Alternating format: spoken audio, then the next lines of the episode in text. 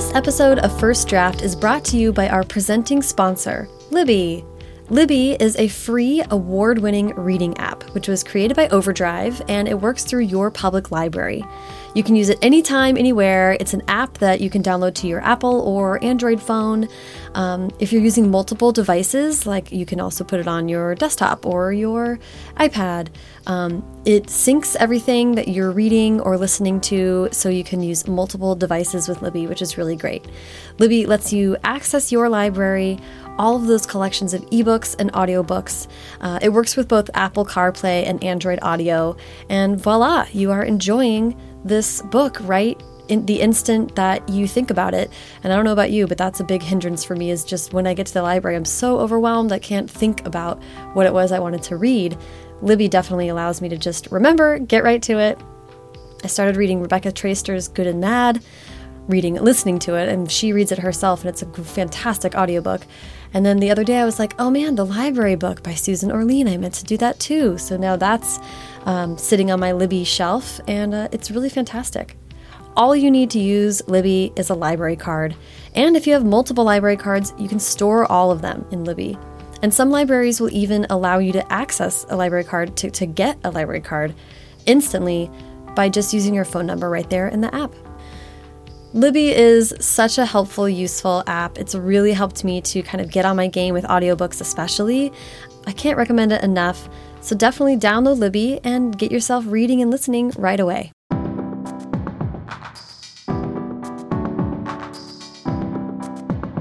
Welcome to First Draft with me, Sarah Enni.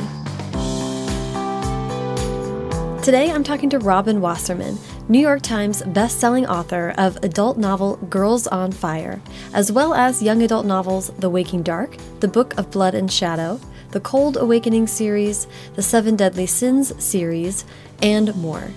Robin also wrote on the Netflix TV show What If, which is available to stream now. I loved what Robin had to say about being a story consumer before becoming a storyteller, working through generational concepts of work and worth, and putting everything in your head down on the page. So please sit back, relax, and enjoy the conversation. It's so excellent to finally meet you. Yes, it's very exciting to meet you too. Yay. I feel like you know everyone I know. So the way I like to start all my interviews is like going way back to the beginning, which is where were you born and raised? Well, I was born in Philadelphia, proper, I guess, but mm -hmm. I was mm-hmm. raised in the Philadelphia suburbs, much less interesting, presumably. Um, yeah, and I was, you know, raised in the same suburb, in the same house, in the same school district for my whole childhood, okay. adolescence. Amazing which I think is probably plays into some of the themes that we'll come back to over the course of your writing. And how was reading and writing a part of growing up for you? Reading was, you know, sort of the fabric of my existence, right? I was your typical, did not have any friends, had very thick glasses, mm -hmm. um, spent a lot of time by myself in my house, imagining myself into various fantasy worlds. So I read constantly.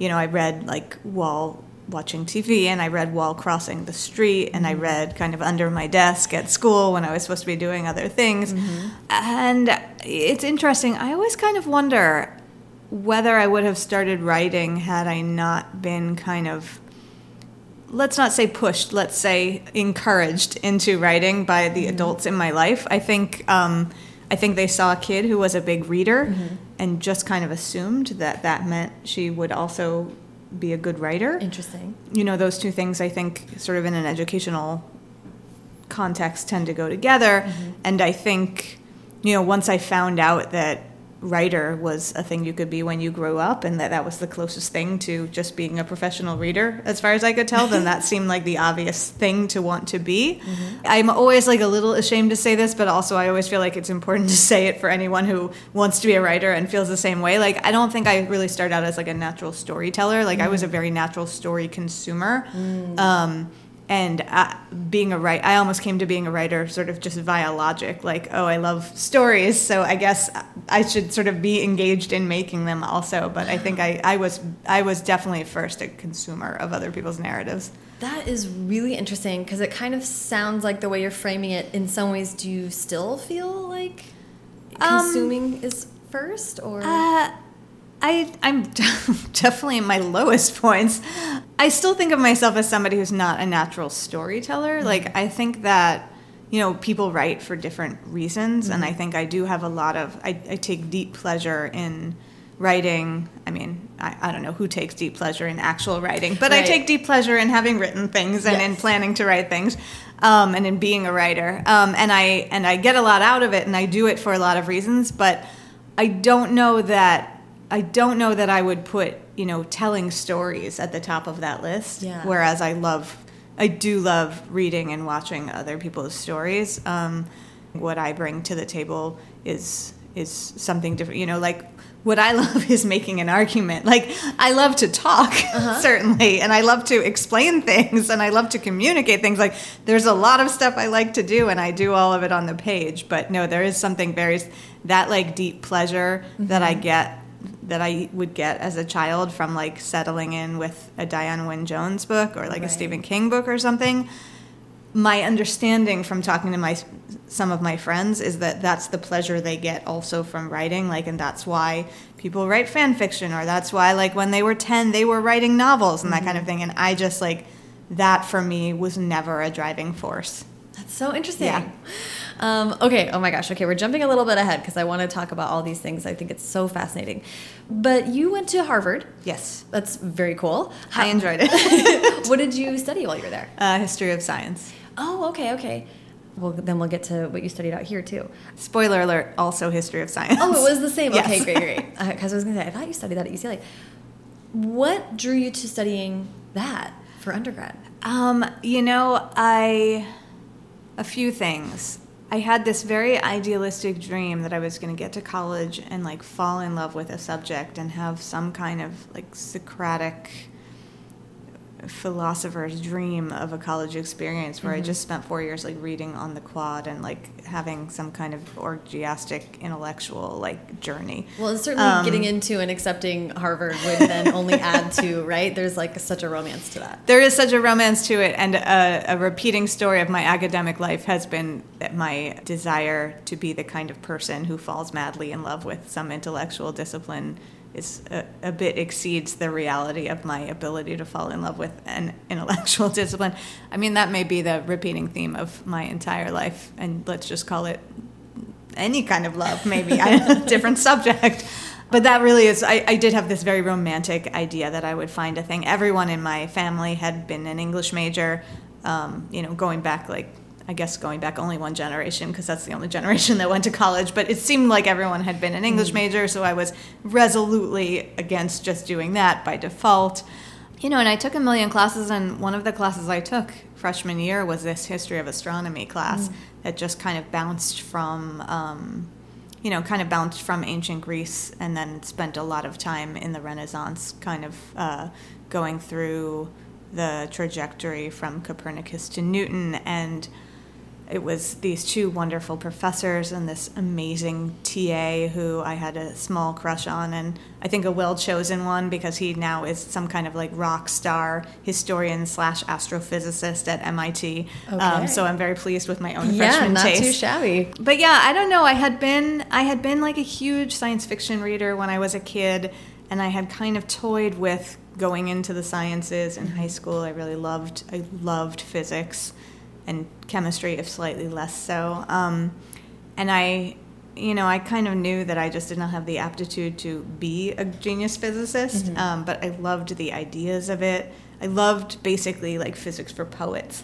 And that class was kind of physics and astronomy for poets with this beautiful narrative of the past mm-hmm. sewn into it. And I had always hated history in high school, but I kind of discovered that the history of kind of great ideas and, and the history of what what I, if I were to take a really old fashioned version of the history of science, would say is like the history of man's like ever unfolding and ever expanding knowledge of the universe. Like that struck me in my romantic heart. Oh, um, yeah.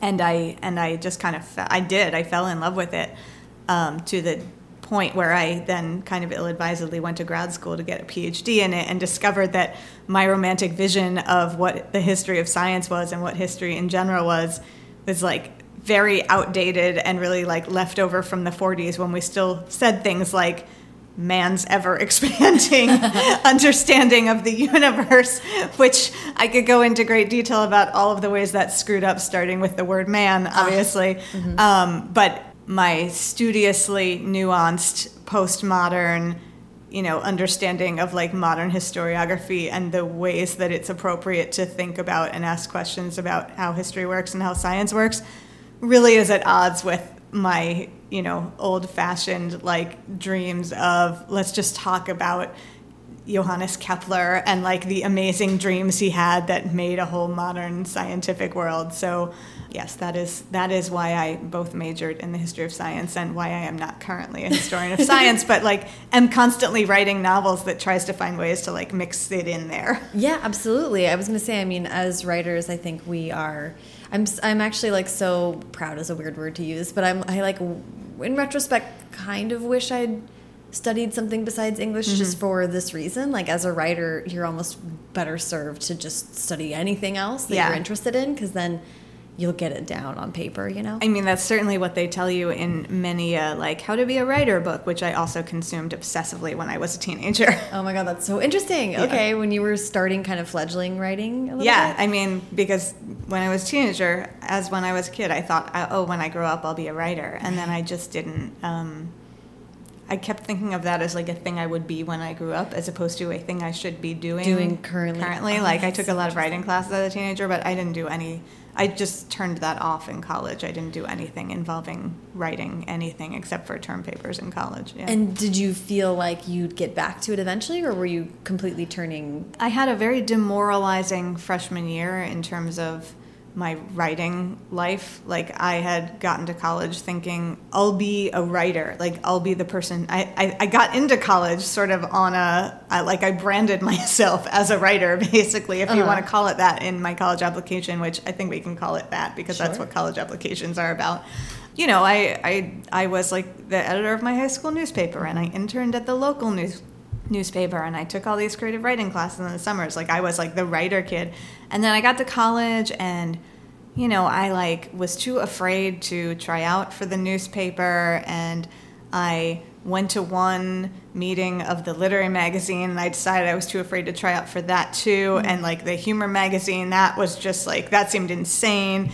I applied to a creative writing class which you had to apply to get into and I didn't get in and I think that happened a couple of times in a row and I just gave up. and That's so I'm not. I'm not proud of this, but yeah, I just gave up and I I didn't do any writing and I didn't really think of myself as somebody who would do any writing except again for academic writing Mm-hmm. and I you know, I my my sort of dream as a writer is to write more nonfiction, um, and I think Oh, that really same. emerged. So I, I was doing a lot of writing because Mm-hmm. I was majoring in humanities, but um, I, you know, it's funny. Senior year, I guess, I finally got up the nerve to join the newspaper. Um, I started writing. I started doing some journalism again, which I was very bad at because I was afraid of calling people on the phone, and I was afraid of libel. Weirdly, um, and I mean, my beat. I, my beat was like the library beat. Like most Oh, of what I wrote, I wrote like a smidgen of articles about sexism in academics, which obviously would have been a good beat. Um, but everything else I wrote was about changing library policies. but I was very afraid of libel. Um, That is so funny. yeah, I was a terrible journalist, but I, you know, I, I got a, um, I did a summer internship in a at a publishing company before senior year, and yeah, I think by the time I graduated, I thought I, I had somehow like come back to the idea of being a writer, um, and I just wasn't quite sure how to do it because you know I felt old and like I had wasted all of this time, and I kind of thought, oh, I'll go into publishing and maybe that is a place I can figure it out. But yeah, it's it's weird because it does feel like I took sort of a hiatus. I don't know. I college was a hiatus for me in a lot of ways because it was really the first time I had actual friends, um, and and really I just like luxuriated in that for four years. That's like I, thing. I think I was probably Harvard's worst nightmare because I basically like went to class and then I like went home and like hung out with my friends and I all of all of the like things I was supposed to bring to the community that I'm sure they thought I would given my application. I did not bring them to the community. I just like had pizza and hung out with my friends because I was so happy to have friends. Uh, God forbid you only grow as a person Yeah. in your undergrad. I mean, it's like a betrayal of, of promise and yeah. Okay. So that is really funny to me. I love that. But it's kind of sweet that you that you came back around to it and that you were thinking about how to like re-engage with it kind of. So so did you go to grad school right away? No, so I went to um, I did my internship um, before senior year at Scholastic Oh, okay. Publishing Company, Yay. and I went to go work there like a week after graduation. Okay. Um, and yeah, I think I mean for all of my insecurities about myself as a writer, as that as a persona, and the ease with which I have gave it up for a time, like it is true that sort of at any given point, no matter what I was doing, writing was always the writing was always at the core of it. Like Mm-hmm. even in college, you know, like my greatest academic pleasure in college certainly was writing my senior thesis. Um, and that? It was about uh, Timothy Leary and his uh, psilocybin studies while he was a professor at Harvard before he ran off to lead the hippie revolution. Um, it is also it has always been my dream to turn that into something else. So if anyone's listening and is interested in that, you know where to find me now. Man, that sounds pretty cool to me. Um, but yeah, I, you know, I, I loved that for the research, but mostly I loved that for the writing. And I, so I think I never really got very far away from being a writer. It was just a, it was just that question I think you often have when you're 22 of like, okay, but I know what I am, but how does that translate into what my job should be? So Right. I found this amazing job at Scholastic where I got to, um, you know, the beauty of children's publishing in general and Scholastic at that moment in time in particular was that very young, very inexperienced people could very quickly get a lot of responsibility. So, you know, within a few months of being an editorial assistant there, I basically had my own list of books that I was editing. And when I say books, I mean, you know, like the Harry Potter movie tie in coloring book or um, Magic School Bus, like nonfiction fact finder books, or they. I was I was the only person there in the department that had ever taken a science class willingly, so they gave me all of the science and math books and anything that could qualify as a science and math book. That's amazing. but I, it just it was it was both a very exciting super fun um, place to be and and you know the place that i made probably like half of my adult friends that i'm still friends with. But it also was just such a great boost to my both logistically and sort of spiritually to my confidence in myself as a writer. Like just because i was i was editing things that were becoming books that had nothing to do with you know the kind of like books with a capital b that i was imagining i could never find a way to bring myself to write right? So i was and i was i was writing things that were technically books with my name on it because that was the other great thing about scholastic is they because of the book clubs and the book fairs they had this endless need for content um, and they were not at that point averse to paying their editorial assistants a small fee to write like sleepover activity books or scooby-doo picture books and that kind of thing so i i in those years i started writing that kind of thing and sort of i've written like a million of those which if you were to google my name i did it all under my own name Yeah, so you'd Goodreads find a is bunch a of little them like Yeah. complicated because um, of that. yeah, but that was the thing. Like, I put my name on Scooby Doo Picture Clue, search for Scooby Snacks, because I thought, because I was, you know, 20 years old. I wanted to have a book published under my own name. I thought it might be the only one I would ever have published under my own name. But it did, it did just kind of open up the idea of what it meant to be a published writer. And I think I, you know, I had never met a writer. I had never met a professional writer, a professional fiction writer. I think probably ever, right? Until I started working at Scholastic, and even then, it was probably two years before I actually met one in person. And I'd never corresponded with one. Like, I often think what a different experience it would be growing up today with, you know, writers just on social media and and being people rather than just names on books. Like the idea that an actual person could be a writer, like it just it seemed impossible to me. I didn't know how to get from point A to point B. Yeah. Um, and so I think being in the publishing world, it it just like opened up all those possibilities for me. And I thought, well, I don't know how to. I would always have these conversations with my father who was like, I well, I don't understand. If you want to be the author of a book, like, why don't you just write a book and then sell it? And I'd be like, that's not how it works. And like, eventually, obviously, I realized that was how it worked. But in the meantime, I got to be an author of books by doing all of these other kinds of things.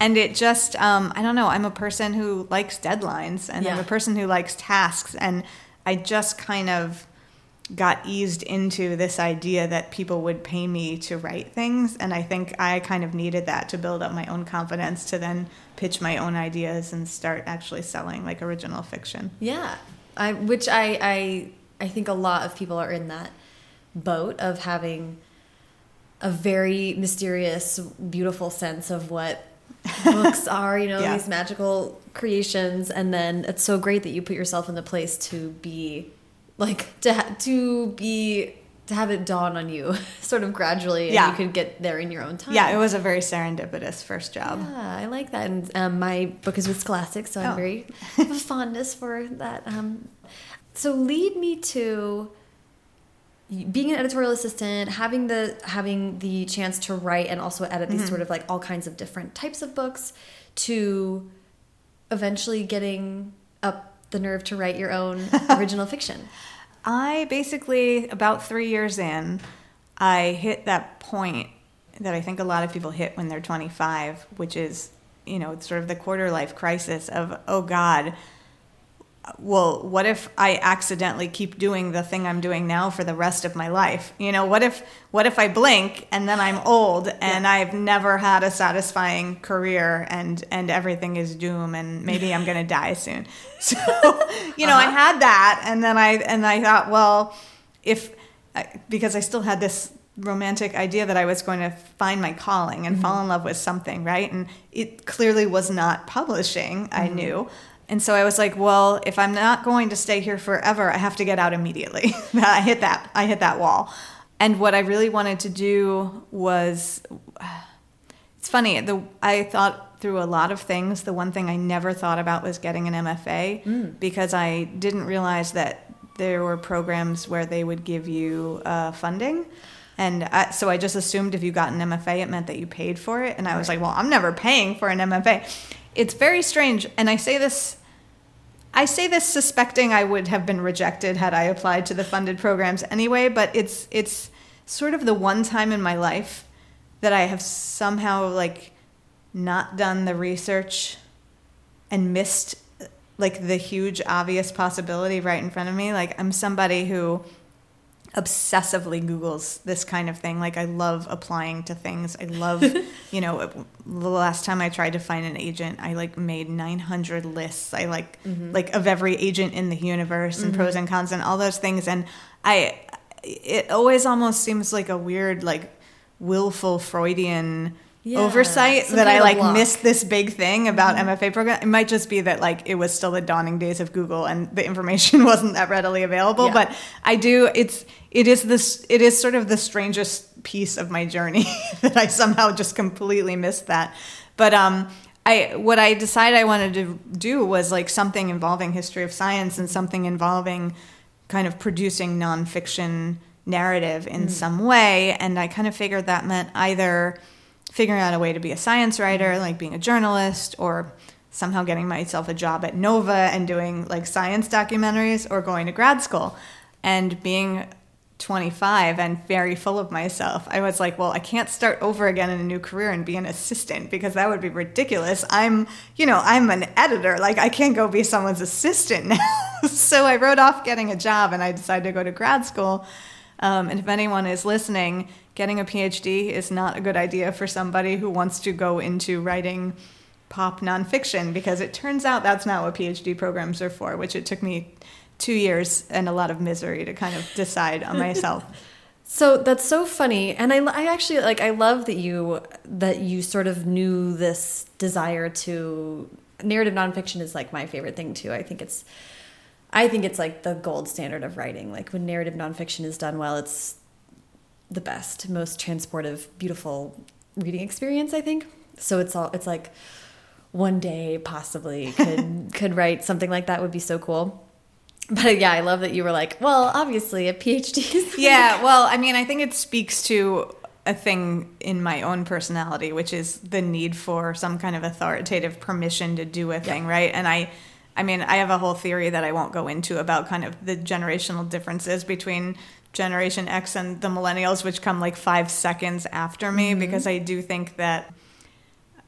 I do think that um, had I graduated from college like five years later, I would have somehow understood from what the world was telling me that my voice mattered even though I was 22 and didn't know anything and I should just like go forth and try to like tell my story or somebody mm-hmm. else's story or something um, which I say not in the usual like millennials are ruining the world way but more in a I'm deeply envious of mm-hmm. having sort of missed out on that moment by like 5 minutes because I really do feel like I just I feel like I entered the adult world at the tail end of this like you have to pay your dues you mm-hmm. have to you know go if you want to be a journalist you have to like go live in arkansas for a few years and then like work your way up you know it was like right.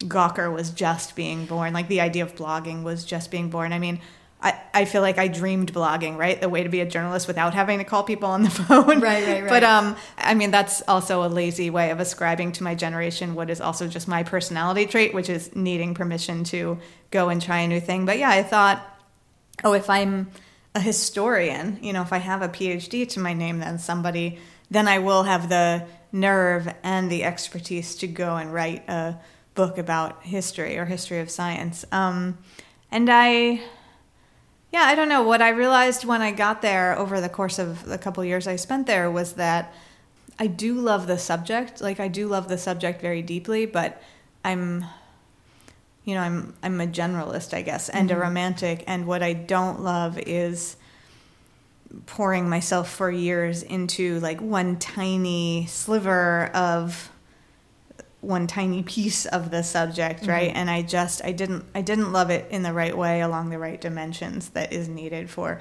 academic labor. I i wish that i did because i would so love a version of myself that was a professor. Right. But um yeah i really it was well and for my fiction writing career it was the perfect choice because basically to answer your original yeah, question yeah, yeah. Um, i moved to la for grad school. I hated it. I hated the city I hated the program. You know, I loved my advisor and like one other professor, and I loved my couple friends, but I hated every other person I met. I hated everything about the experience. I was miserable. I was going through my own like life stuff at the time. Like I was just like in desperate need of some kind of escape route. Mm-hmm. And I, you know, I had these friends in the publishing industry left over from my job, which I both always hate to admit, but also feel like it's important to admit, right? And yeah, one of them just said, like, well, you want to write, you want to write fiction, like, why don't you pitch me an idea? Because it was also like the dawn of young adult, mm-hmm. basically. Mm-hmm. You know, it was sort of the year after Gossip Girl, I think. And there were all these new paperback series coming out, and like, I at my job at Scholastic had been like this big whiny advocate for like we should be publishing young adult and nobody listened to me because I was 23 but also was so funny for the house that that ended up putting out the Hunger Games well right but yeah that was so that was that was so many in YA terms so many generations later right right, right. Um, and I wasn't the only one. It was sort of a whole group of us that were all sort of around the same age and got really excited about the idea that this was in the air, right? Like I remember we went to Book Expo mm. that year, and I think it was the year of Gossip Girl, and we all came back to work on Monday, and we were like, we didn't even know this was possible, but if it's possible, like let's do it. Mm-hmm. And basically, um, an imprint at Simon and Schuster sort of started up right that month, mm-hmm. led by an amazing editor, and I pitched her an idea. Um, and she liked it, and she wanted some sample chapters. And as I recall, I went to a party got very drunk because I was basically I was trying to buy myself permission to make a choice that I probably shouldn't have made and I I learned later that's that was called a safety buzz, getting just drunk enough that you can excuse yourself from the obligation of doing the smart thing. Uh-huh. And it went horribly awry, and I woke up the next morning miserable and hungover, and wrote a bunch of sample chapters about somebody who herself had made some bad decisions and was miserable and hungover, which is like the only autobiographical thing in that entire seven book series, I think. And yeah, I, I like managed to somehow sell a paperback series back in the day when you could sell a paperback series on a proposal even though you were nobody. Right. And I like sort of on the side of being in grad school and studying for my general exams would just sit in corners and and handwrite chapters of this of my first real book and I you know, I was just so lonely and miserable and desperate and it was it was probably the only time in my life actually that like writing fiction was that sort of escape that reading has always been for me mm-hmm. um, which i think because of that there's something there's something that will always feel very pure about that series to me mm-hmm. um, because i so remember writing it and sort of the the labor of love that writing it was in a way mm-hmm. that i don't feel about any other book um, but yeah and i once i sold them i was like well this is my ticket because now instead of dropping out of um, grad school and feeling like a big failure and going into the unknown, I get to like move back to New York as a published writer. And, you know, another personality trait, I guess, is that I actually care what people think of me in those terms. So it gave me sort of the freedom to like feel like not a failure. And I moved back to the East Coast thinking, okay, well, I'll use these books to pay my rent and until I get a job. And then I just realized, like, well, I'm not really qualified for any jobs and I don't like to do anything but write and I apparently can keep doing this. So that is, I I really like stumbled into this as a career. One That's might amazing. say, yeah. That is amazing. I love it. And and the book series that you're talking about is the Seven Deadly Sins. Yes. Series. Yes. Of which there are seven. Yes. Which is absolutely amazing to me actually i'm like wow and seven characters right yeah and seven characters seven sins Man. Lots of trouble in the desert. Yeah. I mean, you're really like, uh, uh, I'm in awe of people who write series anyway. And like, usually we're talking about like three books. So I was like, dang, right out of the gate with seven books. Um, that's really yeah. Impressive. Well, and I think I was writing them like once every four months too. Or wow. maybe once every three months. I mean, it was, it was an insane, it was insane speed and insane amounts of, of, narrative mm-hmm. and it was insane work for my editor i'm sure who basically had to teach me how to write a book um, well i was going to say it seems like then in some ways this is like your self-directed mfa program oh yeah. yeah. Although again full credit to my editor this is my editor directed mfa program. That's great. Uh, and then and then you get to paid to do it yes. yes. amazing. also great. So that's so great. So what so you're back in brooklyn right? Yes settling in with this one series, but I, but that series seems to have gone on while you were also adding in other books. Yes. How, how well, did it all time out? Um, I mean, let me see. I think I had. I moved back to Brooklyn just before the first book was published, I think. So I probably had a few more to write. Um, but yeah, I, like I say, I, I, was sort of idly looking for jobs or a new career. But, you know, by then I was even older. So once again, I was not about to start as an assistant right, somewhere. Right and I I just um, I was trying to figure out like what how to make more money and how to make more of a writing career. And also I was you know, I was publishing paperback fiction and I had come out of the world of paperback fiction, which is a a world that doesn't quite exist in the same way it did. This would have been the sort of mid 2000s. I that's what I had been editing at Scholastic, and I was editing all these authors who were writing, you know, like many books per year and always mm-hmm. on different series. So I I sort of had it in my head that I should really be sort of wheeling and dealing and always trying to find new projects. And I and I also had it in my head that sort of there was this weird hierarchy where I would write a bunch of paperback fiction and then like I would like eventually level up into kind of fancy hardcover because uh-huh. again that that weirdly was the trajectory for many of the authors I knew from Scholastic. And I will never forget somewhere in my first year or so back in New York, I went to um, what used to be this sort of monthly uh, young adult writers drinks night. I guess it's still happening. That's actually, David Levithan's yes, one, right? Yeah. Yes, but uh, you know, I I had worked with David at Scholastic, so he invited me to this thing, and I got to know for the first time in my life. I got to know like other young adult writers, but one of the first ones I met there was, you know, I. Uh, kind, nice, smart young man named John Green who had just published his first book. And I think that we had published our first books, I think the same year, and we were exactly the same age. So this would have been sort of a right after Looking for Alaska won the Printz, but Mm-hmm. sort of before like the world knew who John Green was, right? When he was just sort of the dashing young like prodigy writer. Mm-hmm. Um, and I just I still remember meeting him, and I think I hadn't really even heard of him until I shook his hand at this bar, and just thinking like, oh, I didn't, I didn't even know that was a thing that you could just your first book could be really good. like I didn't know that you could just start with fancy hardcover and then win a prize.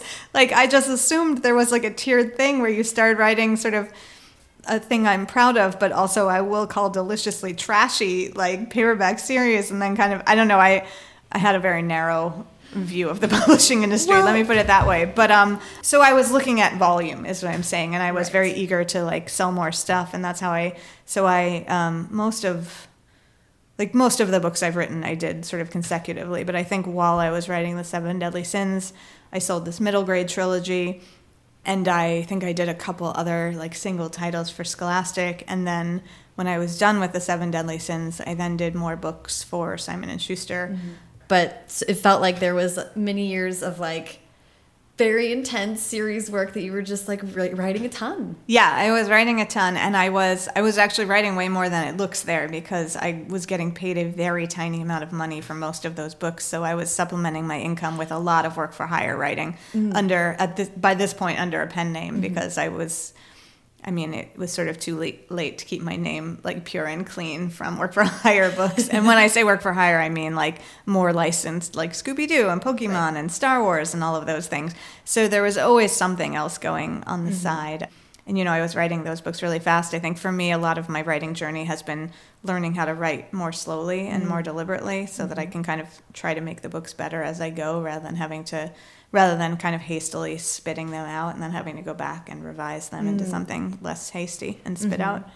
I just I'm so struck by I relate a lot to what you're talking about as far as like perceptions. I think that there's and this is a broad generalization, so maybe it's problematic, it probably is, but I think women are much more likely to buy into the sort of like apprenticeship model mm-hmm. of anything. Like we just feel like it needs to be perfect before it's seen by anyone mm-hmm. other than ourselves. I think we put ourselves up to a, like a much higher standard of expertise or well certainly there are all those studies that say women are always applying for jobs that they're overqualified for and men are apply for jobs that they're underqualified for or mm-hmm. i'm always really struck by the by the gender breakdown of people who submit to the new yorker which Mm. apparently is very heavily weighted toward men interesting. um, yeah so i'm both aware of it and i embody it i yeah guess no and and same and it's something i'm consciously like always trying to sort of work against but it's pretty packed in there so yeah the idea of like of john green being like wait what you can just kind of come on the scene and have one book and be like here it is Yeah. as opposed to like just kind of doing it's almost even Yeah. more of like a throwback way of thinking about publishing too right just like sort of Yeah, and that's why I do think it partly came out of where I started. Although, I mean, not to not to minimize my own ego, because I do also remember having fantasies before that first book came out that I was going to be the first person ever to win the Printz for a book one of a paperback series, which, by the way, was titled Lust. So the fact that I was having those fantasies and was, you know, I think somewhat serious about them also probably says a lot about where I was coming from. Well, uh, there's a level of ego that is required to be a novelist, I think. So, um, so, so if you don't mind, I kind of want to to jump into talking more specifically a little bit about Book of Blood and Shadow and um, and Waking Dark. Because these two really struck me like tonally, that they they both came out kind of around the same time, which is part of what made it stand out to me. They're both actually. Before we get into more detail, would you mind pitching Book of Blood and Shadow? And Oh. I know Waking Dark. No, it's just it's both a long time ago, and I do sort of refer to these as the books that destroyed my YA career. But I love them. Oh my gosh. Um, let's see. The Book of Blood and Shadow is one might say a Da Vinci Code esque romp about um, a young woman whose boyfriend gets murdered, and this launches her into what turns out to be kind of a centuries old mystery that she has to solve before the secret society that killed her boyfriend catches up with her. The Waking Dark, which is a book I will admit is much closer to my heart, um, and that I that I desperately love and will always feel sad that more people didn't want to read um, is sort of my um, let's call it my 500 page love letter to Stephen King. Yeah. Um, it's a book about a group of teenagers um, trapped in a town that's cut off from the outside world by her by a tornado and it's about their sort of efforts to survive as everyone else in the town seems to be going slowly insane and giving Mm-hmm. into their worst impulses.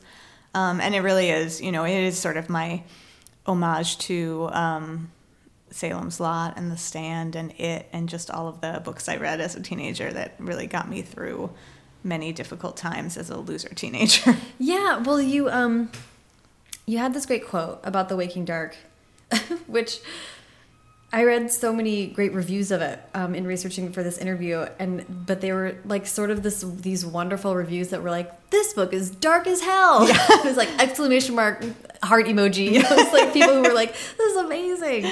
You'll be terrified! Hooray!" it's very dark. I think I, I, I it's funny. I used to um, when I when I was still writing young adult, I used to give a lot of talks and stuff where I would be like that. You know, anything's possible in YA. There's no such thing as too dark. Like the world is wide open. And then I published this book, and I have to admit that my takeaway message was like, okay, maybe there's such a thing as too dark. Really? maybe it's not that anything goes. No, I mean, you know, when when a book doesn't really hit the mark for the audience, you spend a lot of time thinking like, well, why is it that people didn't really want to read it? Um, and you come up with a lot of reasons, some of which are it must be terrible, and some of which are oh, it must be too good. it must, it's just it's too good. yep. Oh yes. Um, but but I do actually think it was. I don't know. I, I think it was too dark for its moment. Maybe. I mean, not too dark for. Uh, like I say, I love it, but you know, it was very. It's very graphically violent in a lot of ways, and I just think I may have overestimated the amount that people wanted to read that mm-hmm. kind of book. I don't know. Yeah, I mean it's hard. It's hard to tell, right? And it's impossible to know whether you're going to hit the zeitgeist or be a little bit to the left or whatever. yeah. I'm not saying that any of those are the case here, but but I wanted to talk about that about pushing boundaries because I think it's, of course, I'm looking at this moment back at your career in such a way that it's so interesting to be like, okay, then it leads to Yeah. Girls on Fire. Yeah. But first, I wanted I wanted to I just found this great quote from you about Waking Dark that was um, I read horror novels not because I wanted to be afraid, but because I wanted evidence that it was possible to confront fear and defeat it. Which I thought was so cool. Like that's such a beautiful way to think about writing really scary stuff. Yeah. So I mean, what what were you? Did you feel like, or now looking back, especially, do you feel like you were working through some fear, or were you? No, I really do think that. I mean, I'm always working through a fear, but um, no, I think that really for me was my tribute to the kinds of books that I had read when I was a teenager. And my, I think that quote might actually come from an essay about Stephen King um, and about how, how much I loved Stephen King when I was a teenager. Um, and I spent a lot of time when I was writing this book and promoting it, kind of thinking about what kind of horror I liked and why I liked horror and why I don't really like horror movies, for example. And I, I do think it's because horror movies are mostly about being scared. Um, and Stephen King novels, at least, are the heart of them is always about these characters who are conquering the fear and, and winning out over it. And that's that's the thing that I love about them, not the not the moment of somebody hiding in the dark. I mean, obviously, I love that too. Right. Um, but yeah, I think with the Waking Dark, I kind of took a lot of my fears left over from childhood and also um, you know also from whatever was going on in the present day and and put them into the book. You know i think my i think my best books have come from kind of hollowing myself out in the moment and putting everything that was going on in my head and has been going on in my head for since i wrote the last book like into the book. Um, and yeah that book really for me became a lot about you know what happens if you give way to your worst impulses and what happens if you you know what happens if you let your emotions and your needs and desires overpower your rational mind? And mm-hmm. you know i i wrote that book sort of in the midst of my father being very ill and passing mm. away i think. And i you know so i myself was really struggling with a lot of questions about like okay how how do I build the boundaries between my emotional life and my sort of external real world, like not crazy life? You know, how do I experience what I'm feeling but not let what I'm feeling overwhelm me? And so I think that a lot of the thematic stuff in The Waking Dark came from there. And yeah, the horror movie, uh, I mean, the horror stuff is all sort of shamelessly pulled from the things that I loved in my youth. But yeah, I really, I mean, I, I guess sort of thinking about it, it's probably not a huge shock that at that moment in my life I was really digging into exactly the same material that had gotten me through sort of the harder times when I was younger. Okay, so you were actually like even as a reader revisiting some of that stuff or Um no, I don't think no, I just think I was sort of Oh, I yeah, just sort of saying. marinating Yes. in the material as I was Yeah. as I was writing about it. Um that book because the other thing about that book is it it came much easier to me than any other book I've written. Um and I I don't really know why. I think it but I've I've never before or since really had such a vision of what I wanted the story to be and how I mm-hmm. wanted it to feel. Mm. Um, and I do think it's partly because I was writing into this very specific genre. You know, I like I, I had a feeling I wanted to capture, and I mm. think it was the feeling that had reassured me so mm. much. You know, I think it was like the the one time that I was just like I've written a lot of books that kind of sit on a shelf next to other kinds of books that I love, but there's something about this kind of book, this like small town, big canvas, misfit kids fighting evil. There's something very visceral about it that I think must have just like sunk into my bones that mm-hmm. made it somehow an actual pleasure to write instead of what I usually find books to be, which is a nightmare. Well, we I have talked to several writers now about the concept of id books, Mm-hmm. and for many writers, that is sort of like lush, romance-inspired, Mm-hmm. kind of like vampires and velvet. you know what I mean? Like, Yeah. so- like uh, um, there's these sort of whatever it is that had us feeling very romantic about imagined worlds, especially at a very profound time. Yeah. in your life when imagination is so pivotal, like your survival, which usually is when you're a teenager. So if that's so interesting that sort of this maybe falls into that category for Yeah, you. that makes a lot of sense. yeah. like it just like just there's a juiciness to Yeah. whatever it is that you want to like bite into. I love that that came so easily to you. Yeah, no, it's it's I wish I could find that again, I suppose, but I really am proud of it. Although it's funny because I had the bad boyfriend who I think like broke up with me partly because he read half of the book and was he was also a writer and I think he read half of the book and was like, mm, not my kind of writer. Wow. so it is kind of remarkable that I have not turned on the book. but um Well, yeah, I honestly, I continue to love it. I think you're better off then, it sounds like. Uh, like, yeah, I'm just baring my soul here. If you can't hang, then get out. um, I want to use Waking Dark as kind of a pivot to move forward because, well, first of all, I want to revisit how you framed it. The books that ruined your YA career, is that what you said? I mean, I'd just love to hear, like, so what was the experience after having these two books? You out? know, I mean, the Book of Blood and Chat. So they did come out, I think, maybe a year and a half apart. So I basically I left Simon Schuster. I had sold these two books to Random House, you know, for like a much higher advance than I had ever been paid before. They were, I guess, they were not my first hardcover books, but they were the first books I'd sold that were planned to be hardcover.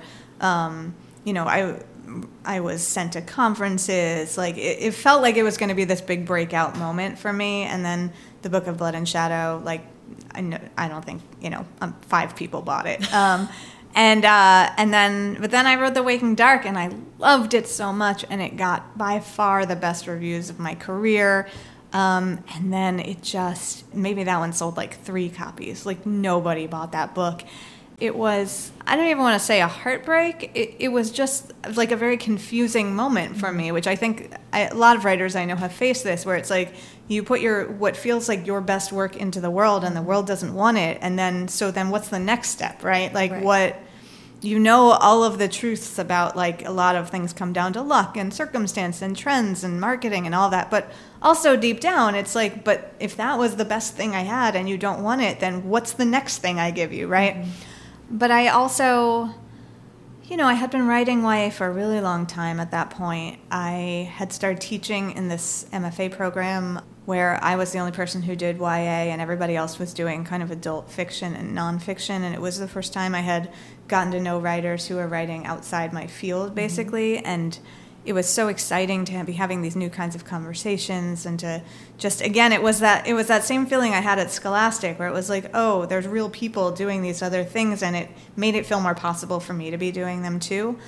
And I I think I just I mean honestly I think I was reaching for something in the waking dark that I maybe didn't even realize I was doing at the time. There's a people often ask what it's like to work with an editor and like what happens when you and your editor disagree and i always say like i've never actually had a major disagreement with an editor except on that book where there are um, some chapters that are from the point of view of adults um, and there's there's sort of a much stronger through line for adult characters than mm. in most YA books, and certainly in any of mine. And my editor wanted me to take them out, and I it's kind of the one time that I just flat out refused. Mm-hmm again because I had this idea of what I wanted the book to be. Right. But I do think, I mean, I, we could obviously talk for a million years about whether there's even a difference between YA and adult fiction and what that difference is and what it even means to be straddling the line or pushing past that boundary if there's no boundary. But I definitely. During the time I was working on that book, I, I shifted a lot of things about sort of how I was kind of intellectually engaging in my writing life and also what I was reading and kind of what I was striving for on the page. And I think I, um, in retrospect, I think I was psyching myself up to do a thing that I had always wanted to do, which was try writing an adult fiction novel. And it, it was just sort of it was just kind of convenient i think that the waking dark failed so miserably that um that I didn't have this other easier option, which would have been writing another YA book. Like basically, I I pitched Girls on Fire as my next young adult novel, thinking that that's what it would be because that's what every other book I'd ever written would be. And my publisher, I think in retrospect, because they knew The Waking Dark was going to be a failure, it hadn't come out yet, but I think that they knew because the publisher always knows. I think mm-hmm. they knew and they didn't want me to sell them like another dark book about teenagers doing dark things in the woods. But the way they politely phrased it to me was this feels sort of too dark and too adult. Can you kind of you know scale it back in some way and then we could talk about doing it as your next YA and I was like very like I had just started dating this writer boyfriend who it later turned out was too pretentious for me, I guess. But um, you know, and I just started teaching in this program and I was like I was in like a very like high riding state, and I was just like, you know what?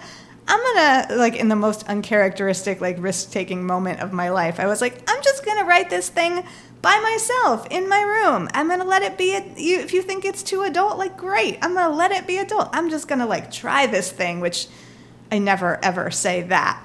So I did it, and I kept pitching other stuff, and the other stuff just kind of like petered out again, I think because who wanted to buy another book from me because my YA career had so flamed out.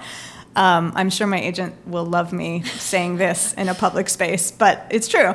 I um, yeah, and then and then I broke up with the bad boyfriend, mm-hmm. and then I wrote like the second half of Girls on Fire out of spite Ooh. because I was basically like, a I didn't have anything to do because I was suddenly single and heartbroken, and B I was like, well, you don't think I'm a good enough writer for you? Like, watch me fly. and yeah, so that it was it was it was a long journey, um, but I it was exciting to like let the book be whatever it wanted to be, and also be writing it in this weird fit of like. I have nothing left to lose because, like, at some point over the course of that, like, The Waking Dark did come out and it was a big failure, and it did feel like, well, I guess I have like really nothing left to lose at this point. Well, I think that's so powerful. There's a lot to to unpack in what you just said, which was so great. But I, I also just want to like be clear. I think it's, I think though that must have been a really really difficult experience for you having the book that you felt so much so much passion for not live up to your expectations or hopes for it but at the same time it was really like critically acclaimed like you said yeah i think there is something to be said for the psychic ability to move on when you're like in some way, shape, or form, you were given the feedback like it was a good book. Oh yeah, I mean that was very helpful. Yeah. It, that could have gone in a much darker direction. Yeah, which is great, right? Because then when you do get the opportunity it's almost like spite writing and like a breakup like that. I can imagine it's just this kerosene moment where you're like, Yeah. well, you know what? I can write. Like, Yeah. that's what I'll do. Yeah, it, yeah, it was it was a book written in defiance of like all the forces in my life, I guess. Um, Yeah. So so yeah, it was, and that that feels good because it worked. And- But Yeah. it, I definitely, you know, I definitely, I had a I had a file on my in my Scrivener like Mm-hmm. project file that was called I think it was called like emergency button or something, and it was just like the the document was just like a one sentence document that was like, okay, if this turns out to be terrible, you'll just start over again from chapter two, and here's a different plot you'll write, and it was just like a, a thing that gave me permission to like write a bad book and start it over again if I needed to. Like I, The Girls on Fire is really the book where I think I learned how to truly revise. This sounds ridiculous after writing like nine million books, but I became a very different writer over the course of writing Girls on Fire. Yeah. Okay. Well, let's let's dive into that a little bit because first of all, wait, what is the emergency? Just be, I want to be really clear on that. Oh, it was like a such self-destruct button, basically. Yeah, it was. that's- It was a. It was just a promise to myself that I could give this book a try, and if it turned out to be like the wrong book for these characters, I had come up with like an alternate version of what the plot could be, spinning out from the first two chapters, which I knew I liked. I love that. I think that's a really awesome like could be applied to a lot of people's Yeah. writing writing processes. I mean. Coming up with compelling lies to tell yourself as you're making your way through a draft is like a crucial part of finishing a book, I think. it's like half the journey. I love that. Well, let's before we get into more um, detail about Girls on Fire. Do you mind pitching that book for us? Oh, all right. Um, Girls on Fire is a book about two teenage girls in the early 90s who become dangerously obsessed with both Kurt Cobain and themselves. Or each other, I guess. Mm-hmm. Um, And themselves. I think that's actually like um, yeah, but it's you know it's a book about um, the obsessive nature of adolescent female friendship and about girlhood and what it means to try to be a girl in a world that is trying to sort of shove you into a box and slap all these labels on you, um, and about kind of victimhood and victimization and the power that girls have and the power that's trying to be stripped away from them and in a in a more concrete sense it's about like girls doing very bad things in the woods yes. Um, I I love this book so much, and it's almost harder to ask questions about books that I really loved. So I'm gonna I'm Well, gonna endeavor you. to um, and to not ask you the same questions that you've had forever. But I do feel the need to sort of contextualize. This is like a recent past novel, also, yes it's set in 1990 1991 and 92 and I love that as a choice. I want to hear about how you came to that choice, and if you don't mind, contextualizing a little bit. Like I'm obsessed with the fact that it is like correlated to the satanic panic in any way. I mean, like the timing of all that is so important. Yeah. Well, I um, it's funny because again, it started as my it started as it was going to be my next YA novel, and I think, and it was still when I was thinking of it as a YA novel that I decided to set it in the early '90s. Um, and you know, a couple people at the time really tried to talk me out of that. But um, I it, it turned out to be sort of a serendipitous choice because once it became an adult novel, whatever that means, um, it, it it felt like much more the right time period to be setting, and it was a time period of my own adolescence, um, and it, you know, I it was a nice way to inject some distance into the idea of writing about teenagers and about adolescence, as opposed to what I'd been doing for the last. 10 years, which was trying to write for teenagers and sort of inside of adolescence. And so it was this weird, um, it was this in, weird enforced space between me and the characters that I think ended up being really helpful just in trying to find like what the tonal differences would be from my previous fiction. But the reason that it the reason I originally came to that date was um, this book started its very first like kernels of inspiration came from um, this news this news story um, somewhere somewhere must have been like around 2013 or something um, where this uh, small town in upstate New York got struck by a wave of mass hysteria among its teenage girls. You know, all these cheerleaders were just sort of fainting and having tics, and, and it was a huge thing. And they brought in like Erin Brockovich or whatever to like test the water, and they eventually diagnosed it as like mass hysteria. um, of the type that you know we usually associate with like the Salem witch trials. And I remember joking at the time with all of my writer friends that like about the inevitable wave of novels that were going to come out of this because it obviously was like the perfect YA story. Right.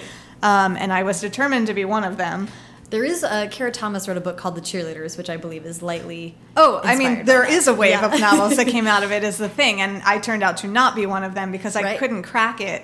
I like, I just couldn't figure out like what my story would be there, and I ended. I a lot. There are a lot of books that came out of that. I think the, I, the my favorite one is Megan Abbott's The Fever, um, and I actually, which like, I wrote my first ever sort of piece of um, literary like essay nonfiction about for the LA Review of Books. So I like did I have spent a lot of time like living inside of the fever and like thinking about hysteria and like the history of hysteria and that is partly what my next book arose out of, which we can talk about. Yeah, yeah. And I also do uh, want. show But- notes where I linked all this Stuff, Oh, stuff. great. yeah. So yeah, but um, you know, Megan did an amazing job writing about this exact thing.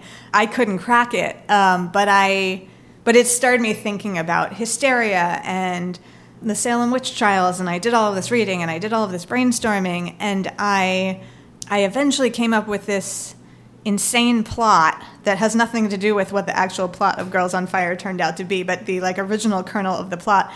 It was going to be about two girls that were trying to fool people into thinking that they were Satan worshippers and eventually kind of lost themselves in the game and started doing actual terrible things. Mm-hmm. And I because of that I wanted to set it during the satanic panic, right? Like that that that became kind of the context for it. And that's a period in history that I'm personally really obsessed with. I mean, who isn't, So right? fascinating. Um, and you can also put in the show notes the greatest book that's come out in recent times about the satanic panic, although I cannot off the top of my head remember what it is. But oh, We Believe the Children. It's amazing. Came out it came out a few years ago, like I think right before Girls on Fire came out. But um, yeah, so that's why I decided to set it in that moment. I said it, you know, the satanic panic is sort of dying out by the early 90s. Like there was a really interesting shift in the 80s. People were very concerned about um, evil daycare practitioners, um, which we believe the children argues was a backlash against women going back into the labor force. That basically the satanic panic was a moral panic sort of retaliating against all of these women abandoning their children and, and saying to them like look what abandoning your children has done to your children right? And it's really interesting the way that as those children grow up the moral panic shifted.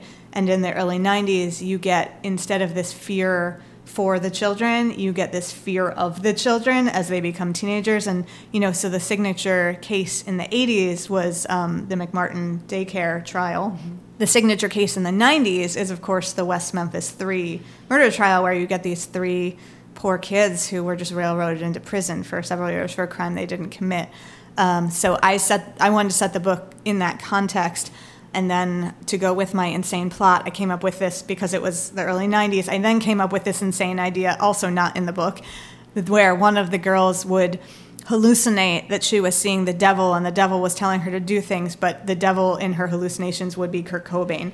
Um, so that was sort of where the two kernels of what eventually became Girls on Fire came from. And even when I ditched that plot, I kept it in that time period because the both the Satanic Panic and the sort of love of grunge in general and Nirvana specifically had become like very thematically essential, and it became this novel about authenticity and personas and this this question that I think is also at the heart of grunge music about like what it means what it means when the mask becomes your face and what it means when your face becomes the mask and like what the stories we're trying to tell ourselves mean when it's a story about not having a story and I don't know it's it's I got I spent a lot of time thinking about the philosophy of grunge let me put it that way Yeah, I love that. Um, yeah, the kind of postmodernist. And then also Kurt Cobain. I mean, like I just watched that montage of Heck was so riveting about his journals and how Oh yeah. much I've he was- also I've also written an essay about that. that a very Amazing. had a very narrow critical writing career, but it spanned almost exclusively the topics in this book. I love that. And and just he was also very preoccupied with like children and like I mean in utero, right? Yeah, And yeah, yeah. Uh, and religious iconography and all that Yeah, stuff throughout his yeah. um in his diaries and stuff. Yeah, and obviously having the kind of looming reality of his death sh- like overshadowing a book that is in large part about teens kind of hurtling headlong toward bad ends was Yeah. was very effective i think Yeah, and I don't want to spoil the book at all, because everyone should go read Girls on Fire. but I did write that ending. uh, uh, I love it.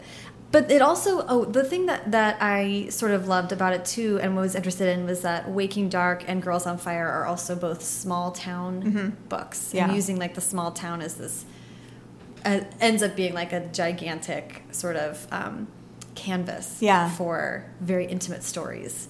I don't know. I mean, what's what's the enduring appeal? Um, yeah, you know, I've written a weird number of books that set or are rooted in small towns, which is strange because a small town is the one kind of place I've never lived in.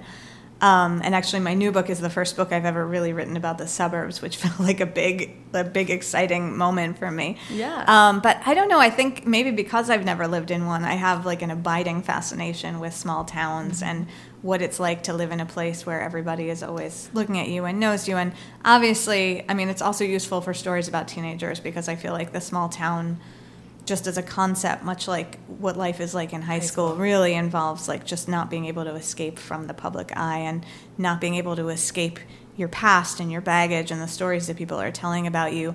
So, you know, I think it I think it really kind of narratively speaks to an adolescent experience, but it just for me I don't know, it's it's it's a thing that I just have constant fascination about and I love reading about I love reading stories that are set in these small towns and especially when it's kind of a big canvas where you get to know the characters in the small towns. I love TV shows that are about them. I do think it's sort of the, you know, the pleasure of the exotic probably, right? Like the suburbs don't seem that interesting to me. Um, and I always, you know, I'm always afraid I'm getting it wrong because, of course, I don't know. I don't really know what it's like. I mean, I the the first series I ever wrote, The Seven Deadly Sins, is also set in a very small town, and I remember the original kernel of that idea was. I was driving cross country to move to California, um, and I it was the first time I'd ever gone to the desert, and we were driving through all these tiny towns in the, like tiny tiny towns in the desert, um, and every town we went to, I just kept thinking like, what would it be like to be a teenager in this town? Like I couldn't fathom it, and the Seven Deadly Sins was sort of my answer, an answer to that question. Um, and I think it's a question that I just was asking myself like over and over again in all of those books. I love that.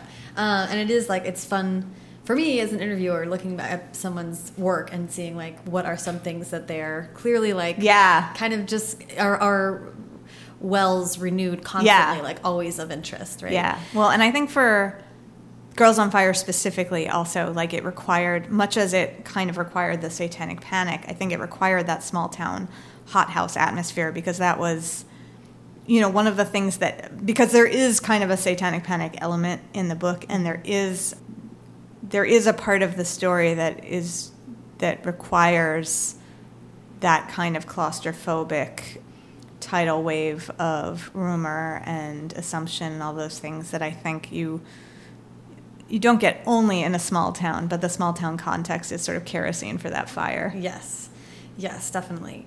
Um, and you had another interview where you said, I was a teenage girl falling in platonic and obsessive love with a sequence of wild girl friends.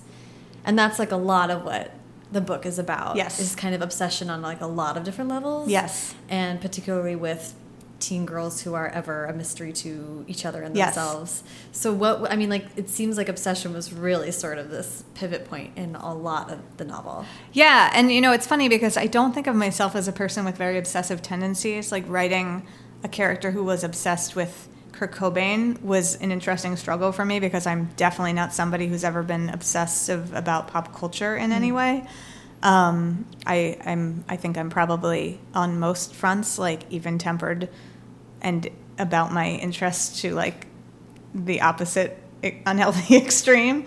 But um, I but like obsession with um, like that kind of adolescent obsession with another person is something that is very true to my own experience, and that like deep desire to define yourself through another person. And you know, I was a person who was just like very bad at having friends when I was growing up. Not in the sense that I like couldn't make friends, although that was also true a lot of years, but in the sense that I was just like a very nervous, possessive, jealous, like anxiety ridden person about my friendships. And I would just like, I would tend to have like that one friend or when I would either dream of having that one friend that was, you know, your person that you were bonded to and that like you could move through the world together and mourn that I didn't have it or I would I would have that person or I would have a person and I mm. would like hold on to them with a death grip trying to like shove them into that into my pocket basically so that they could fulfill like my like literary dreams mm. of like having my Anne of Green Gables like kindred spirit, right? Mm-hmm. Like books really screwed me up on this front, I think. so that's like that's the unkind to myself way of putting it. But I really did um I think I I just I I always gravitated toward that idea of having like one other girl who would be this both like beautiful bright reflection of myself because just the fact that like she was willing to hang out with me would say great things about me mm-hmm. but also was this kind of wild exciting adventurous soul who would like open up my world for me and like give me permission to do the things that I secretly wanted to do mm-hmm. myself and it was um yeah it was it was like a real pattern through my childhood and adolescence so it was very easy to write about yeah and in some ways how vividly that can disappoint you. Oh yeah.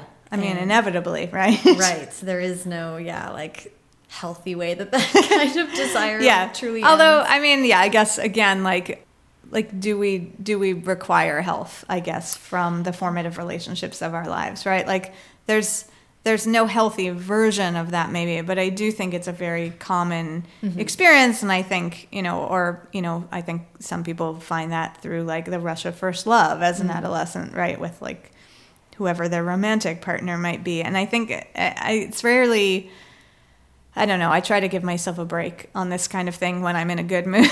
Yeah. but I do think I but also in in terms of the book, like I it's funny, I did a book club in like Greenwich, Connecticut once with a lot of mothers of I think sort of young children who would in a few years be teenagers and one of them said something they were they were very scandalized by this book and one of them said something like it just it would have been so much better for her if she just never met that girl and it's true you know right. like the main character or there's two main characters but both of their lives probably would have been better had they never befriended each other but you know, like that's not the story I wanted to tell. Like I wanted to tell a story about the ways that that kind of friendship can be destructive, but can also be transformative, and like mm-hmm. is often both. And yeah, I guess depending on what mood I'm in on any given day, it feels more weighted toward one or the other. Yeah, oh, I love that. what a fun book club it would be to be like, oh well.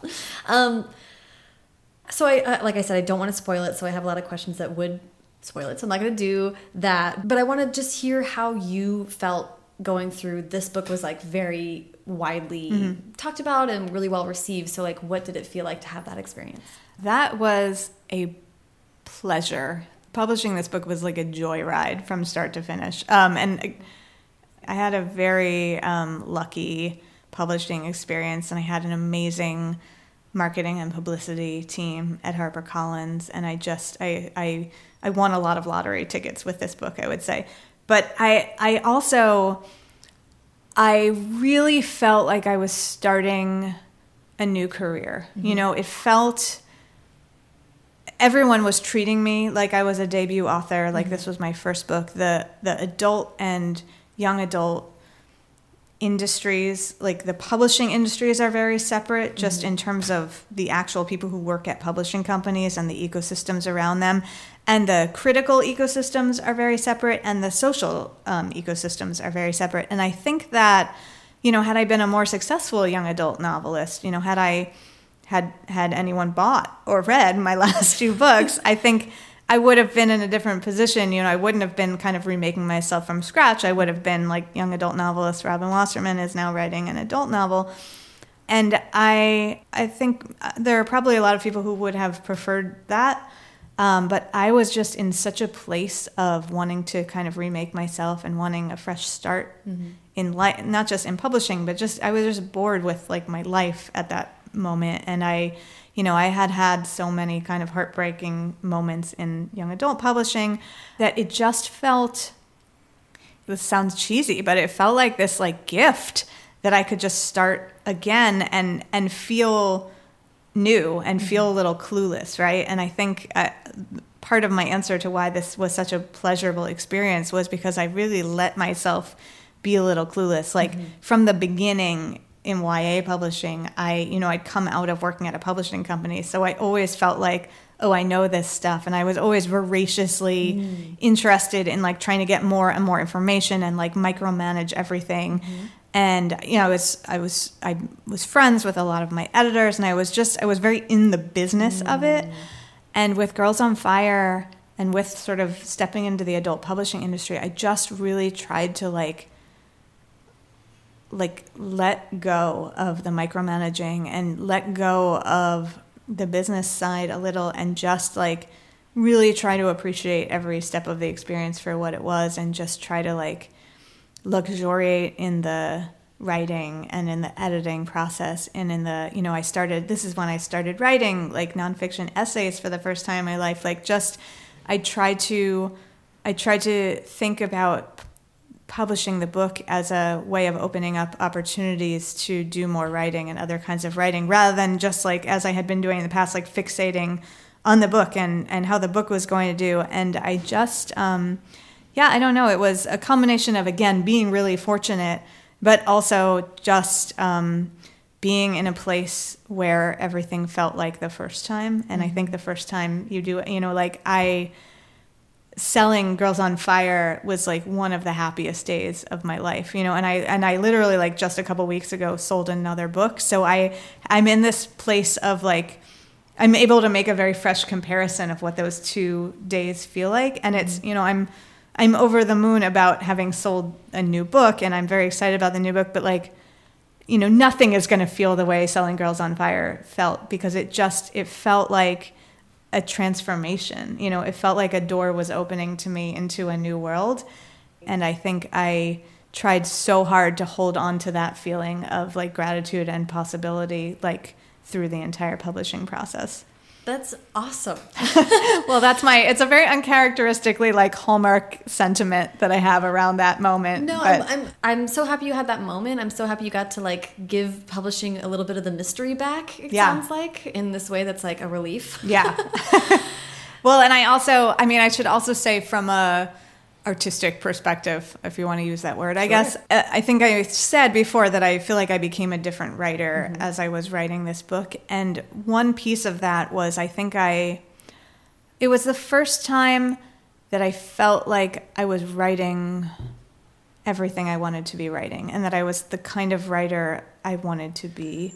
And I, I don't say that in terms of like, oh, I wanted to be writing adult fiction as a category. I just, it, it was like I had spent all these years like feeling unsatisfied with myself and what I was doing and looking toward the next step and and where I was going to go and like what kind of writer I wanted to be and what kind of writing life I wanted to have. Like I once I once sat in a room full of writers and we all did an exercise that I think was invented by Holly Black who is like the queen of like life yes. modeling exercises. Um, and she asked us all the question, you know, what writer out there do you wish you could grow up to be? You know, mm-hmm. if you had to pick somebody who was, you know, at least 10 years ahead of you in your career, like who is your who is your dream career to have? And it was fascinating to listen to people go around the room and answer that question because you always think that kind of your model for success is the universal model, right? And I think there were maybe 15 people in the room and every single one of them had a different answer. Not just a different name but like a different version of what success meant to them. You know somebody said robert cormier mm-hmm. somebody said neil gaiman and like you know you can you can extrapolate from like those two examples like just the variety of models mm-hmm. there were in this room. And i couldn't answer the question. Like i couldn't come up with anybody. I think i think maybe what i said was I wanted to be like a combination between Michael Chabon and Joss Whedon. And I think I followed it up by saying, but I have no idea how to do that. And that's not the kind of thing I write. And I guess I'm mm. screwed. And over the course of writing Girls on Fire, and when it got acquired and then published, and so sort of the world like gave me permission to keep writing that kind of thing. Mm-hmm. For the first time in my professional life, I thought and continued to think like if I could just keep doing exactly what I'm doing now, for the rest of my career, I'll be happy. Mm-hmm. And so that also, like, that was an incredible way to feel with a book coming out. Like, Absolutely. oh my gosh, yeah, that's a that is a dream. that's really that's awesome. And good that you were conscious of it in the moment. You know, I think Yeah. there's something very real about being like, listen, like this feels good. How can I keep this feeling or pattern or Yeah. like repli- make this rep- replicable in any way? I think that's really like shows the level of experience that you had even going into it to be able to recognize that it's different. You know oh, what I mean? I'm very old. no, I mean it's very like that's the benefit of having experience in whatever field Yeah. you're in is you can, you know, the other Yeah. feeling. um, that helps. So let's let's get to to the book you just sold. I kind of wanted to Mm-hmm. track those. So so Girls on Fire came out in 2016. yes. And you said that when you were writing it, you were getting a little bit tired of your life. Yes. You managed to change it a lot. I did, yes. So tell me about all of that. Yeah. After I sold the book, I think before it came out, I optioned the TV rights to a producer who was working with Warner Brothers. And he was sort of generous enough to let me develop it myself um, and, and develop a pitch and, you know, take the pitch out to networks and sell it to a network and sell a pilot and then write a pilot which is where the journey ends because the network did not want to film a pilot and that was the death of my TV show although the TV pilot still sits on my computer and I dream of someday making the show. But um, you know that whole process probably took like a year and a half or something. And right shortly after the network passed on the pilot, that same producer got a different pilot of his that he had written himself, greenlit by Netflix, and it got picked up to series. And so I got a random phone call one day from him that was like, how would you feel about like jumping on a plane and coming to LA and writing on the staff of my show? And I felt great about that, um, which I guess is another uncharacteristic example of me wanting to take a risk. But it like it in no way felt like a risk, right? Because it was just a temporary job. It was, mm-hmm. I think it was supposed to be 20 weeks in mm-hmm. LA, like staffing on a TV show. I asked around, and I was told that as a as a you know bottom of the hierarchy writer, all I had to do was like sit in the back and not drool, and I would earn my paycheck. So I so I did it, and I I came to LA. I worked on this show for I think what turned out to be like 34 weeks or something. Mm-hmm. Like I was here for much longer than I thought I was going to be. I loved every minute of it. I I said this to somebody else who had recently started writing in TV. I said like, "Well, I'm just probably going to sit in the back and listen." And she just looked at me and she was like, "Oh, yeah, Robin, I give you maybe 5 minutes of that." And 5 minutes is probably how long I managed to stay silent before I then just started talking for the next 30 weeks. But yeah, I loved every minute of it. I loved writing television. I loved the people. I loved the city in a way I had not expected since the last time I came to LA. It was unmitigated disaster. And yeah, I just um, I finished. Let's see, I finished the job right before Christmas of this year, and I like went back to New York. I spent a week packing up my entire life in the apartment I'd been living in for 10 years. And then I moved to LA for real to sell out to television, as so many writers behind me have done. And I'm still a little embarrassed to say that out loud because it feels ridiculous. But um, yeah, I, I seem to have moved to LA to become a television writer, which is what I'm hypothetically trying to do now. But I'm constantly caveating it with words like hypothetically because, like I say, it still seems slightly unreal that I have done this. Although when I was back in New York over Christmas, I kept saying to all of my friends things like, Isn't it crazy that I'm moving to LA? And they would say to me, You moved to LA like seven months ago. We've already grieved it. We're over it. That's it's so like you live in LA now. Oh, that's so um, funny. so it was a little anticlimactic for everyone but me, I think. Well, you know, we all come to that in our own time. um, and the TV show you're talking about is called What If? it is, yes. which I um, will talk offline about when this episode will come out, but that it will, by the time it comes out, be available on Netflix. Yes, the whole series will drop on the same day, I think. Yeah, and it stars Renee Zellweger. It does in her first foray into television, and she's amazing. It looks so cool.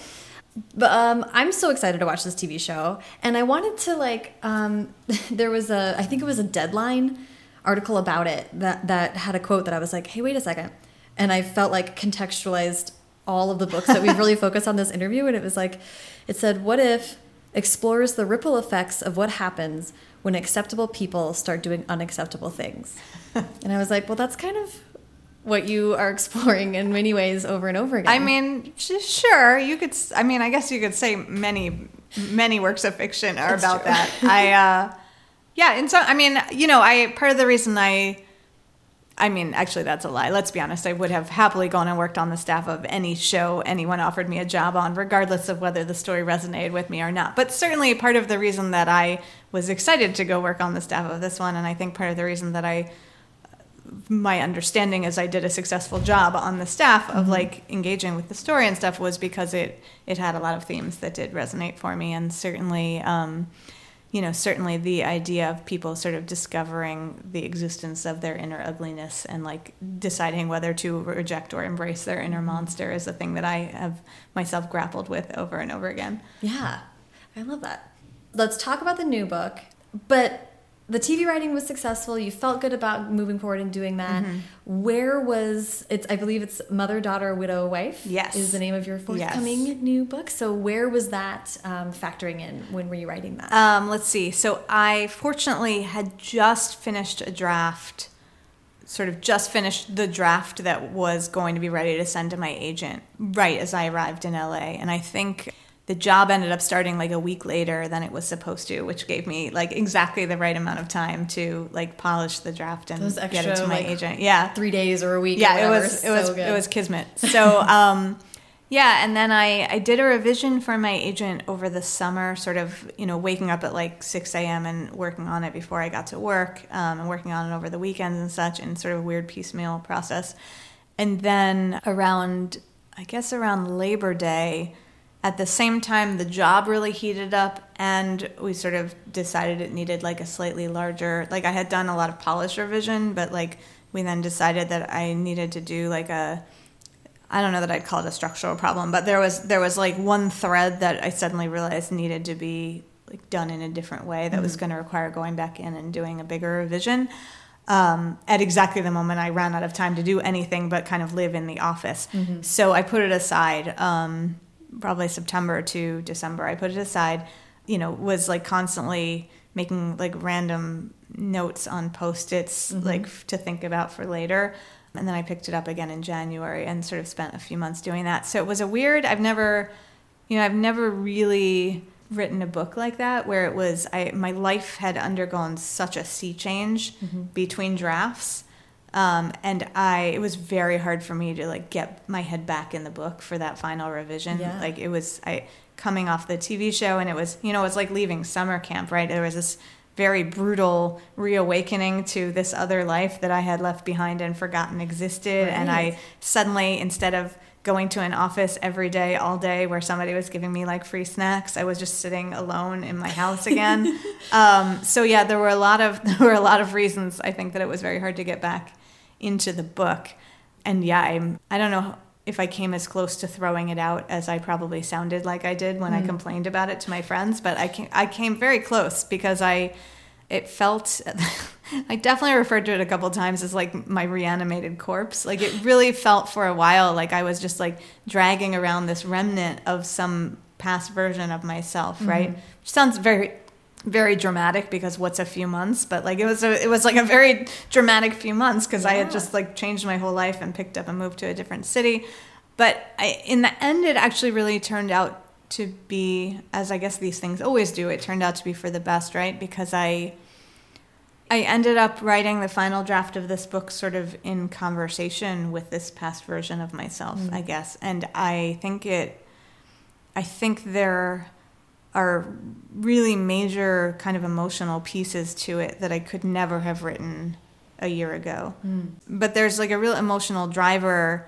There's there's a lot of kind of rage and visceral um, anger about the patriarchy, for lack of a better word, um, that that came out of the very specific moment I was writing the original draft in. Um, so I think, in a weird way, this book is like intention, like the the plot is very much in tension between sort of principles and desire. Mm-hmm. And I think that the book itself is somewhat in tension between the emotional place I was in when I started it and the mm-hmm. emotional place I was in by the time I finished it. That's so interesting. Yeah. And like, I frequently refer to our job or a lot of creative jobs as like engaging with an odd sort of time travel because you en encounter and re-encounter your past selves mm-hmm. and are forced to Yeah. like interact with that person in, Yeah. in ways that in a fiction would create a black hole or end the world or whatever. Yeah, and it's a weird. It's funny because the in the earlier part of my career, I wrote my books so fast it never really happened. Right, like even the Seven Deadly Sins I was writing over the course of like three months, and mm-hmm. even The Waking Dark, I'm sure from start to very final galleys couldn't have been more than nine months because those books, YA books, just often tend. There's a lot of pressure to write them pretty fast and to come out with one per year. And so, Girls on Fire was the first book I'd ever written that I really sat with for years. And then this one, too, where it was just to work on a project where you know if you started over again, you would be writing a completely different book. It, it was like a very alien experience to me, but, but became. Um, but has now kind of become like part of the pleasure of the process for exactly the reasons you say. Yeah, I love that. Let's let's wrap up with advice and then um and then I'll, I'll have you back when the book comes out. Sounds great. Yes, it'd be amazing. I mean, I, I would just love advice is such a general term, but like, but maybe advice for someone who is not sure, like, especially with age um, category, like maybe who has an idea and they're not sure, like YA, adult, TV, like, like this idea, what is it? Do you have any thoughts about that? Oh wow. I mean, I guess the I mean, the most obvious advice there feels like it would be to say don't worry about it, right? Like just write write it in whatever form you want to write it in and give it a try. And like especially with the YA adult divide, like the world will tell you what you mm-hmm. wrote. And there's no like there's just no reason to try to figure that out ahead of time mm-hmm. because the YA community is filled with people who thought they were writing like adult novels in their fancy MFA programs and then mm-hmm. their agent submitted it as a YA book, right? And so I would say I mean, I don't know. I always used to find this very useless advice when people said it to me, like write the book of your heart or whatever, because I that's not really the way my heart works. but um, I do think like advice adjacent to that that I believe in, even though I imagine other people might disagree with me, is right into a space that you know and love. You know, I think if you hate television, don't write a TV show. You know, if you hate like literary fiction, then don't write a literary fiction novel, which like again seems kind of stupidly obvious, but it is it is surprising I think how many people, I guess, as somebody who reads more than I write, I'm always surprised by people who write more than they read. Hmm. But yeah, I think that I think that just kind of knowing the terrain will answer a lot of those questions mm-hmm. for people. You know, I think once you once you love a thing, once you've read a lot in an area, like you will develop an innate sense of whether that is the area you live in. Mm-hmm. And I think another thing that's interesting that you bring up is like it's worth interrogating because it seems so simple. Like if you don't like adult literary fiction, don't write adult literary fiction. But there's an element of people feeling like they have to for whatever reason, wherever that Yeah. message sinks into your brain. But interrogating, are you writing what you like to read? Is Yeah. actually a pretty good. Yeah, and I think you know, I also think there's an argument to be made for well, I I hate that all of these books do X, so I'm going to I'm going to write this kind of book, but I'm going to do Y and Z. And I do think that's both a very creatively stimulating attitude to go into something with, but like also has its dark side of you know, oh, I think all books like this are stupid, so I'm going to try to write my own that's going to be great. Like, mm-hmm. you know, there's there's sort of different inflections of that attitude where one is healthy and one I think is sort of destructive. But I do think I'm somebody who always almost always is writing toward a purpose and mm-hmm. writing toward a box or a label or mm-hmm. whatever. And I think one of the things I've really been trying to teach myself over the last couple years is to like be more comfortable kind of sitting and breathing and living with the mess and mm-hmm. just like not feeling like everything I write has to have a well defined end goal as I'm working on it and not feeling like I need to know what it is until I'm done with it. And that is, for somebody like me, like a really hard lesson to learn. So I guess I would speak directly to people who, like me, are always asking those questions of themselves and suggest experimenting with like not asking those questions for a while. I love that. That's really, really great advice. And there's some element of, I mean, I ask advice all the time because sometimes you can know a thing, yeah. but hearing someone has this interesting effect of giving you permission. So I like thinking about a writer listening to this and being like, okay, I won't. I'll get myself a break. Just sit with the mess. Yeah. Oh, I love that. Robin, what a joy this yes, has been. This was so lovely. fun. Thank, Thank you, you, so much. Thank you for being so generous with your time, and um, I'll talk to you soon. Yes. Thank you so much to Robin. Follow her on Twitter at Robin Wasserman and Instagram at Robin Wasserman Writes. And follow me on both at Sarah Enni and the show at First Draft Pod. There are links to everything Robin and I talked about in this episode in the show notes. Uh, the show notes this week are particularly wild. Um, Robin is interested in so many of the same instances and phenomena and uh, specific historical references that I am also very interested in.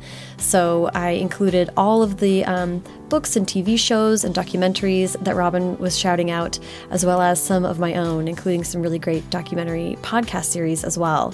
So definitely, if if this um, episode was of interest to you, please check out the show notes. There's a lot more fun reading, um, and oh, kind of awareness building, I guess, where that came from, internet wormholes, to be honest with you. Um, all of those are available in the show notes, which I put together for this episode and for every episode, and then I post them to firstdraftpod.com. If you enjoyed the show today, please subscribe to the podcast wherever you listen. And why wouldn't you just go ahead and go over to iTunes and leave a rating or review there? Uh, really helps from an algorithmic standpoint to get uh, First Draft out to more people who might enjoy it. And uh, it's just some good karma you can put into the universe today. Haley Hirschman produced this episode. The theme music is by Dan Bailey, and the logo was designed by Colin Keith. Thanks to web guru Tasneem Daoud and transcriptionist at large Julie Anderson. And as ever, thanks to you, hysterical Satanist cheerleaders, for listening. This episode of First Draft is brought to you by our presenting sponsor, Libby. Libby is a free, award winning reading app that works right with your local library, right there on your phone. It's an app you can download on any Apple or Android device, and immediately all you have to do is enter in your library card information, multiple library cards if you have them, and you can just automatically jump right in and start adding books for audiobooks, they just download right to your phone. I mean, for ebooks too. I'm in particular on an audiobook um, binge, so I guess that's where my head's at. But, you know, I'm out in the world talking to friends, we're talking about books, and I'm like, oh, that's right. Susan Orlean's The Library Book. I've been meaning to listen to that. Let me fire up Libby. There it is, right in my local library. Put it on hold. And then it's right there on my phone for my, the drive home. So fantastic. It works with Apple CarPlay and Android Auto too, so it's completely seamless audio listening. And you can return the books early. They've got night mode, a sleep timer for audiobooks, and a dyslexic font option. Libby is really powerful and really easy to use. It's also a beautiful app. I found it to be like very, very simple, uh, which is great because you don't want to be like scrolling around and trying to figure things out. You just want to get right to the books. So please download Libby on your phone. Check it out and you'll see what I'm talking about. It feels like having the public library in your back pocket. What a dream!